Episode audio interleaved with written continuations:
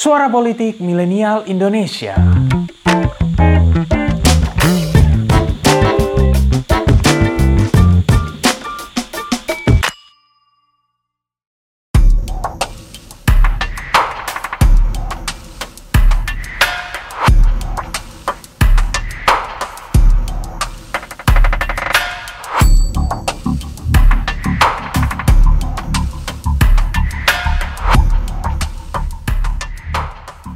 Cuplikan ini adalah aksi Corps Special Troopen atau KST, sebuah unit pasukan khusus tentara kerajaan Hindia Belanda atau NIL yang dibentuk untuk melawan kaum revolusioner selama masa revolusi nasional Indonesia.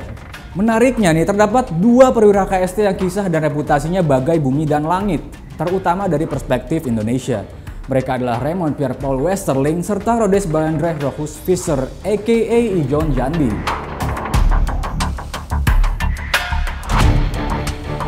Yap, Westerling jadi sosok yang meninggalkan luka sejarah mendalam bagi rakyat Indonesia.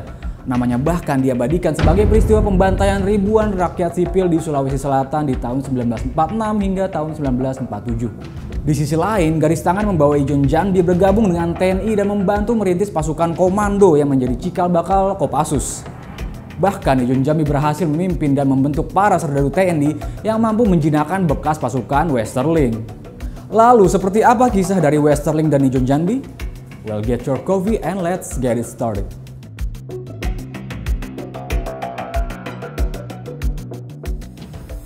Westerling lahir pada 31 Desember 1919. Setelah masuk dinas militer di tahun 1941, dirinya menempuh komando basic training di Inggris. Singkat cerita, 20 Juli 1946, Westerling yang berpangkat Letnan 2 dipercaya memimpin 120 prajurit Depot Special Troopen atau DST, unit yang kemudian membaur bersama KST. Bermarkas di Makassar, DST mendapat tugas counterinsurgency atau penumpasan pemberontakan pasukan revolusi Indonesia di Sulawesi Selatan. Di masa inilah Westerling disanjung dan mendapatkan reputasinya dari media Belanda setelah pembantaian yang dilakukannya pada kurun waktu Desember 1946 hingga Februari 1947. Tanggal 5 Januari 1948, DST dilebur dan diubah namanya menjadi Corps Special Troopen atau KST yang memiliki kualifikasi komando dan penerjun payung. Westerling dan KST kemudian mendapat tugas yang sama di Jawa Barat. Serupa di Sulawesi, Westerling dan anak buahnya jamak melakukan pembunuhan sewenang-wenang, baik itu terhadap tentara Indonesia maupun kepada warga sipil.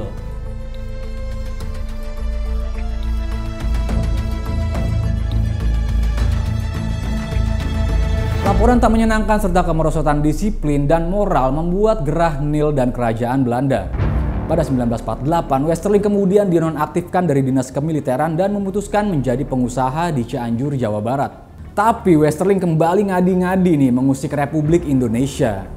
Westerling yang memiliki simpatisan dari sejumlah warga sipil yang meminta pelindungan dari para bandit plus para bekas pasukannya bersekongkol dengan Sultan Hamid II mereka mendirikan Angkatan Perang Ratu Adil atau APRA yang meluncurkan kudeta terhadap pemerintah Republik Indonesia pada bulan Januari 1950 di Bandung, Jakarta, dan Blora.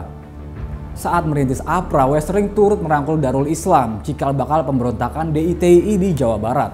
Saat pemberontakan DITI inilah bekas pasukan Westerling berhasil diredam oleh pasukan yang dididik oleh kompatriotnya sesama pasukan khusus KS Teknil yakni Rokus Fischer atau Ijon Jandi. Kisah Westerling dan Fisher aka John Jambi sendiri berbanding terbalik dalam sejarah Indonesia. Lahir pada 13 Mei 1914, Fisher bergabung dengan tentara kerajaan Belanda Second Dutch Troop dan turut terlibat dalam Operation Market Garden di tahun 1944. Karena dianggap berprestasi, Fisher mendapat kesempatan menempuh sekolah perwira sebelum dikirim ke Asia. Pada 1946, Belanda yang di dalam negeri masih kacau akibat Perang Dunia II membentuk sekolah penerjun payung di India bernama School for Applied Fund Parachutism bagi para pasukan khusus KST yang akan dikirim ke Indonesia. Dan Fisher dipercaya memimpin sekolah tersebut. Pada tahun 1947, Fisher kemudian ditugaskan di Cimahi untuk memimpin sekolah yang sama dan kini telah berpangkat kapten.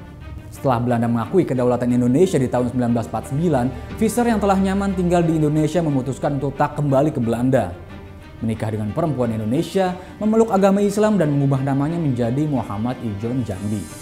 Di tahun 1952, Panglima Tentara dan Teritorium 3 Siliwangi, Jawa Barat, Kolonel Alexander Everett Kawilarang yang berencana membentuk pasukan khusus untuk menghadapi pemberontakan merekrut Ijon Jandi.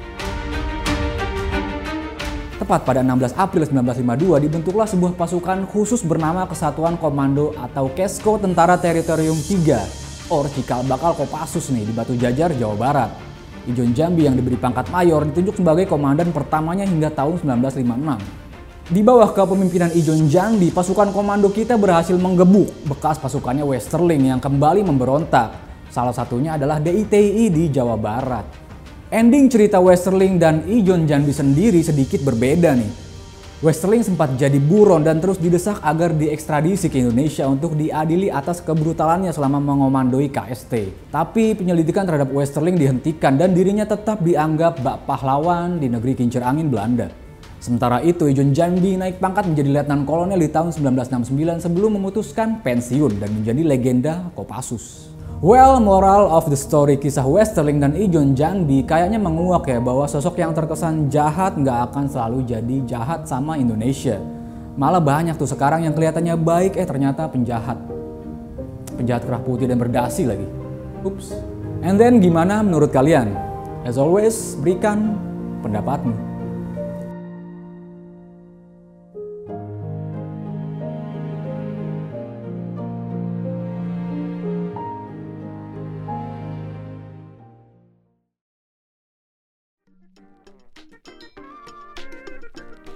Terima kasih telah mendengarkan episode kali ini. Nantikan episode-episode selanjutnya dan jangan lupa untuk kunjungi pinterpolitik.com untuk dapatkan informasi seputar fenomena politik di Indonesia. See you next time and bye-bye.